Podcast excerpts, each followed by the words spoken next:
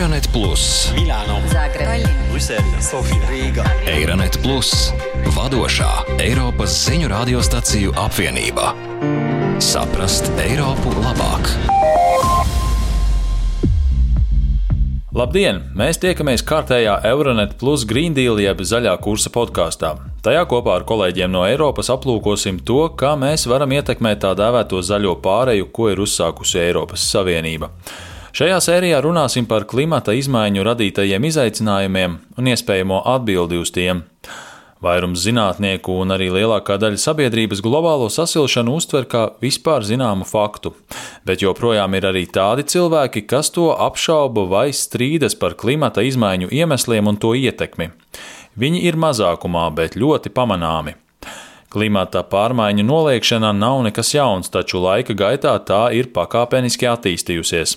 Tāpēc mēs vēlamies saprast, kā tā izskatās 2022. gadā, kurus tā visvairāk uzrunā un kā pret to var cīnīties. Šos sarežģītos jautājumus mūsu kolēģi uzdeva visā Eiropas Savienībā. Sociālie mediji ir apliecinājuši sevi kā efektīvus instrumentus klimata pārmaiņu noliedzēju rokās. Tie ir snieguši iespēju uzrunāt miljardiem cilvēku ar vienu klikšķi, vai nu selektīvi un maldīgi pasniedzot zinātniski iegūtus datus, vai izvēršot melu pilnas dezinformācijas kampaņas. Bet kas ir tie cilvēki, kuri sagroza zinātniskus faktus un izplata viltus ziņas? Nepārprotami, ka lielas korporācijas, patiesībā veselas nozares, vēlas aizsargāt savas finansiālās un biznesa intereses. Tās iestājas pret jebkādiem iespējamiem regulējumiem, kas varētu apdraudēt to intereses, uzskata profesors Kimons Hadjibiros no Atēnu Nacionālās Tehniskās Universitātes. Υπάρχουν και κέντρα συμφερόντων Ir lobby, kuri izplata šo pretrunīgo pozīciju, un ik viens var ļoti viegli savilkt šos lobbyjus ar tiem, kuru interesēs nav izmainīt veidu, kādā tiek ražota enerģija, jeb, citiem vārdiem runājot, saglabāt laulību ar fosilajiem energoresursiem. Šo neracionālo tieksmi uzkurina dažādas intereses, kas ir saistītas ar fosilajiem energoresursiem. Tajā ir iesaistīti dažādi cilvēki, bet viņu skaits procentuāli nav liels - aptuveni 10 vai varbūt 20% atkarībā no situācijas un valsts. Ņemot vērā zinātniskos faktus un plašo vienprātību, kas ir izveidojusies Eiropā saistībā ar to, ka cīņai ar klimata pārmaiņām ir jābūt prioritātei, daudzi no šiem lobbyiem ir bijuši spiesti mainīt taktiku. Viņi vairs nenoliedz klimata pārmaiņu esamību pašu par sevi, Tā vietā viņi piedāvā alternatīvu interpretāciju par faktiem, samazinot savas rīcības ietekmi uz klimatu, kā arī nāk klajā ar atšķirīgiem klimata risinājumiem, kas neietekmētu viņu biznesu. Maikls Mans ir slavens amerikāņu zinātnieks. Viņš pirms 20 gadiem palīdzēja ieraudzīt kopsakarību starp klimata pārmaiņām un cilvēku saimniecisko darbību. Kā cilvēks, kurš vairākas desmitgades ir pieredzējis klimata pārmaiņu noliedzēju un lobbyistu uzbrukumus, viņš spēja novērtēt, kā lietas ir mainījušās. Un tās ir mainījušās. Mans pastāstīja mūsu kolēģiem no Beļģijas raidsabiedrības RTBF. We've largely seen a disappearance of denialism. Klimata izmaiņu noliegums būtībā ir izzudis. Cilvēki atzīst tā esamību, viņi redz, ka tas notiek. Vides piesārņotājiem ir grūti to noliegt. Taču tas nenozīmē, ka viņi ir pārtraukuši savus centienus nepieļaut cīņu pret klimata pārmaiņām, jo viņiem ir jauna taktika. Fosilo energoresursu ražotāji un tie, kuri pārstāv viņu viedokli, saka, hei, mēs varam turpināt kurināt fosilo degvielu. Mēs tikai iesaistīsimies citās masīvās manipulācijās ar mūsu vidi, attīstīsim geoinženieriju, mēs savāksim oglekli, taču to ir ļoti sarežģīti izdarīt. Ir grūti iedomāties, ka to varētu darīt tādā apmērā, kas novestu pie reālām pārmaiņām, bet lielie piesārņotāji to izmanto kā aizbildinājumu, lai nebūtu jāmazina atkarība no fosiliem energoresursiem. Reliance on fossil fuels right now. Slovenijas sabiedriskais medijs intervēja doktori Alenku Zupančiču, kura ir filozofe, zinātniskā padomniece un profesore Slovenijas Zinātņu un Mākslas akadēmijā. Zupančiča piekrīt manna teiktajam. Man šķiet, ka problēma ir jāformulē nedaudz citādāk, pirms mēs varam sākt to risināt.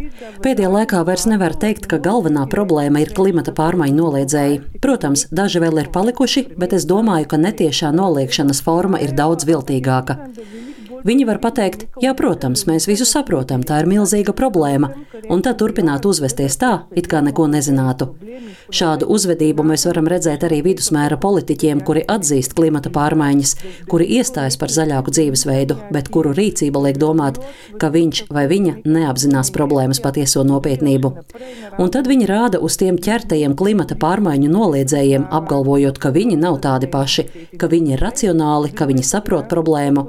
Bet patiesībā viņi rīkojas tieši tāpat, ja ne pat ļaunāk, jo viņi atrodas varas pozīcijās un viņiem ir iespēja ņemt grožus savās rokās, bet viņi to nedara. Pērn notikušais ANO klimata samits Glāzgovā bija labs piemērs tam, kā kaut ko radikālu var atzīt un vienlaikus neatzīt. Pīdes inženieris Stefano Kazerini, kurš vada klimata pārmaiņu mazināšanai veltītu kursu Milānas Politehniskajā universitātē un savā blogā atmasko viltus ziņas par klimata pārmaiņām, radiostacijai Radio 24 atklāja, viņa prāt, visbīstamāko dezinformāciju, kāda pašlaik tiek izplatīta.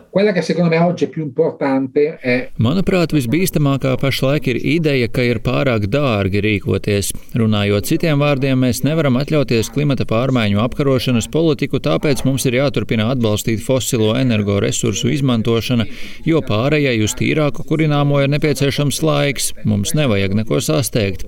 Šīs ir visbīstamākās viltus ziņas. Ja mēs patiešām vēlamies sasniegt Parīzes klimata vienošanās mērķus, kurus atbalstīsim 94 valstis, tad mums ir aši jārīkojas. Protams, par mērķiem vēl var runāt, bet ja mēs esam vienisprātis par tiem, tad mums ir dramatiski jāsamazina siltumnīcas efektu izraisošo gāzu emisijas un jāsasniedz klimata neutralitāte līdz 2050. gadam. Mums ir doti vēl 28 gadi, tāpēc pārējai ir jānotiek ārkārtīgi strauji. Šodien visbīstamākie ir tie cilvēki, kuri atzīst problēmu, bet saka, ka mums vēl ir jāpagaida, nevis jārīkojas tūlīt. Kazarīni uzsver, ka visi publicētie zinātniskie dati un teorijas iziet ļoti rūpīgu novērtēšanas procesu. Tomēr dažkārt kļūdas tiek pieļautas. Kad tas notiek, klimata pārmaiņu noliedzēji nepalaiž garām iespēju, lai par to bļaustītos sociālajos tīklos, un viņiem palīdz tas, ka sociālie tīkli darbojas kā mūsu pašu atbalsts kamera, norāda Alenka Zupančiča. Sociālo tīklu bums, kas no vienas puses šķiet ir sava veida plurālisms, atvērtība atšķirīgiem uzskatiem, patiesībā veicina pretējo. Viedokļus atkārtot izplata šaurā lokā starp līdzīgi domājošiem cilvēkiem cilvēkiem. Kā tad darbojas sociālie tīkli? To algoritmi iegaumē, ko jūs meklējat, un vēl vairāk sašaurina jūsu skatījumu. Īsāk sakot, to darbības principi un tas, kā tie izvēlas jums paredzēto ziņu plūsmu, nav domāts, lai jūs paplašinātu savu redzesloku, bet gluži pretēji - liek jums būt vēl pārliecinātākam par saviem uzskatiem. Ja runājam par to, kā cilvēki uztver dezinformāciju, tad pastāv atšķirības starp Eiropas Savienības dalībvalstīm. Bulgārijas Nacionālā radio žurnāliste Kremena Ivanova stāsta, ka bulgāri mēdz būt skeptiskāki pret zinātniskiem datiem, politiskajām institūcijām un medijiem. Atšķirīgie klimata pārmaiņu tempi un to atšķirīgās sekas visā pasaulē bieži vien padara klimatu par viltus ziņu objektu gan tiem, kas pārspīlē problēmu, gan tiem, kas to ignorē. Bulgārijas iedzīvotāju vidū ir izplatīta skepse un neusticība gan pret institūcijām, gan gan pret sociālajiem tīkliem. Šķiet, ka Portugālē klimata pārmaiņu noliekšana ir mazāk izplatīta. Radio Renesanse vaicāja vides socioloģijai Luīzai Šmitei, kāds tam varētu būt iemesls. Eksperti uzskata, ka tas ir saistīts ar diviem faktoriem. Pirmkārt, klimata pārmaiņu noliedzēji nespēja iesaistīties publiskajās debatēs, un otrkārt, Portugāļiem esot ļoti liela uzticēšanās zinātniekiem. Portugāla joprojām demonstrē zināmu pilsonisko vājumu, kas kavē pozitīvu sabiedrisko kustību veidošanos.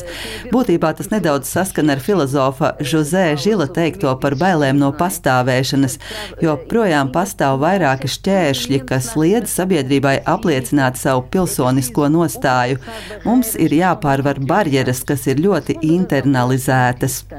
Otrs iemesls, ko es uzskatu par ļoti svarīgu, ir tas, ka Portugālē zinātnē zinātne ir lielā cieņā un daudzi sekotē līdzi.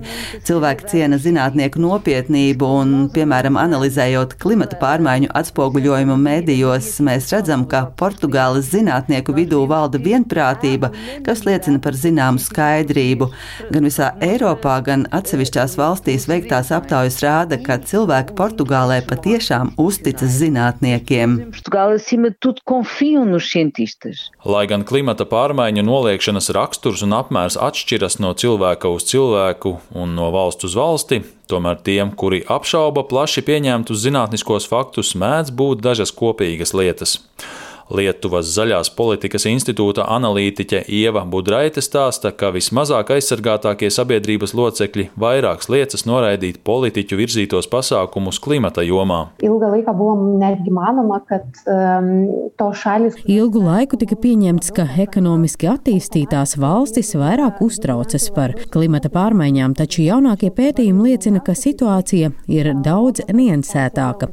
Pat ļoti attīstītā valstī cilvēki, kuri ir mazāk mazāk sociāli nodrošināti, vai vismaz tā jūtas, tie, kuri ir bez darba vai kuriem ir zemāki ienākumi, visticamāk ir skeptiskāki pret visiem vides jautājumiem. Viņi ir skeptiski noskaņoti arī pret citiem sabiedrībai būtiskiem jautājumiem, piemēram, imigrāciju, veselības aprūpi un vakcīnām. Saskaņā ar Massachusettsas Tehnoloģiju institūta veiktu pētījumu, viltus ziņas vai dezinformācija izplatās ātrāk un iesakņojas iesakņojies dziļāk nekā fakti.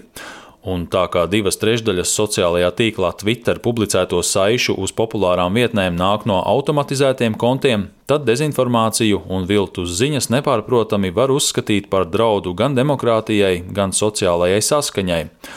Tāpēc svarīgs ir jautājums, kā mēs to risinām. Brisele ir izstrādājusi virkni iniciatīvu. Viens piemērs ir rīcības kodeks dezinformācijas mazināšanai informācijas tehnoloģiju nozarē, kas nosaka virkni pašregulējošu standartu. Vēl viena iniciatīva paredz stiprināt Eiropas Savienības spēju cīnīties pret dezinformāciju. Femke Nīse ir ieguvusi doktora grādu matemātikā ar specializāciju klimata zinātnē un pašlaik strādā pie sava pētījuma par enerģijas modelēšanu. Kopā ar starptautisku brīvprātīgo komandu viņa lielu daļu no sava brīvā laika velta, lai atspēkotu Wikipēdijā atrodamo dezinformāciju par klimata pārmaiņām. Mūsu kolēģe Mirjama no raidsabiedrības RTBF tikās ar Femki, lai aprunātos par viņas neparasto hobiju. Activity, Tā ir ārkārtīgi jautra un arī diezgan atkarību veicinoša nodarbe.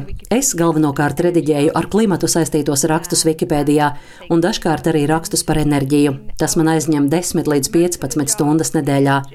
Lielāko daļu darba veido zinātniski apstiprināts informācijas publicēšana Wikipēdijā. Savukārt novecojušus un neprecīzus zinātniskus faktus es izņemu. Bet ir arī cilvēki, kuri vēlas izmantot Wikipēdiju savās interesēs. Viņi publicē maldīgu vai pilnībā sagrozītu informāciju. Pastāv klimata pārmaiņu noliegums, kas ir problēma, jo īpaši Wikipēdijās, kas nav angļu valodā bet ir arī klimata aktīvisti, kuri var pārprast zinātni un publicēt Wikipēdijā neprecīzu informāciju. Femke Nīse ir eksperte savā jomā un zina, kam ir jāpievērš uzmanība. Taču kā cilvēki, kuriem nav tik specifisku zināšanu, var pateikt, vai informācija par klimata pārmaiņām ir nepatiesa vai sagrozīta? Stefano Kazerini dalījās ar dažiem padomiem. Pēc vairāk nekā 30 gadu ilgiem pētījumiem par klimata zinātni visaugstākajā līmenī visās nozīmīgākajās pētniecības laboratorijās pasaulē, mēs varam teikt, ka ja kaut kas patiešām ir pretrunā ar to, ko zinātnieku kopiena saka par klimatu, tad jums vajadzētu to apšaubīt. Varbūt ne visi zinātnieki un eksperti kļūdās, un iespējams, jūsu informācijas avots ir tas, kurš jums stāsta nepatiesību. Tā Tāpēc vispirms ir jāpārbauda, cik lielā mērā noteiktā ziņā atšķiras no zinātniskā konsensusa un vairuma zinātnieku uzskatiem. Mēs vairs nedzīvojam 18. gadsimtā, kad zinātne progresēja pateicoties kāda viena zinātnieka atklājumiem. Šodien progress tiek panākts pamazām, uzlabojot ļoti nostiprinātos uzskatus par lietām.